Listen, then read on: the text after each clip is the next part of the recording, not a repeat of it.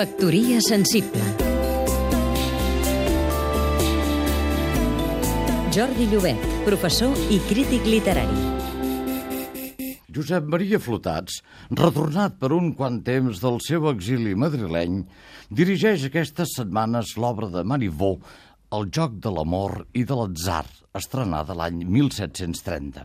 L'obra presenta dues parelles de senyors i servents que es disfressen i permuten la identitat.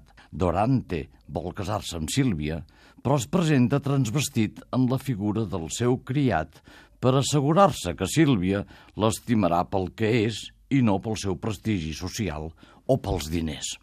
Però a Sílvia se li acut el mateix, de manera que en aquesta obra tot hi és ficció o joc, molt en l'estil de la comèdia de l'arte italiana. Al final, com era propi del teatre d'aquell temps, tot acaba bé i Dorante i Sílvia, malgrat que van disfressats d'una altra persona, lliguen amb èxit. L'important d'aquesta obra, però, és una qüestió de fons.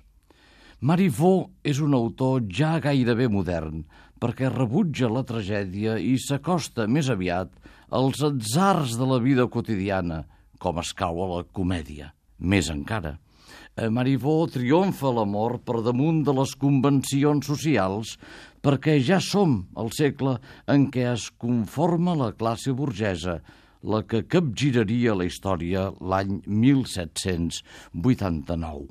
Anar a veure aquesta obra, doncs, serà al mateix temps una lliçó d'història dels costums i una ocasió per passar-s'ho de primera, que ja convé. Factoria sensible. Seguim-nos també a catradio.cat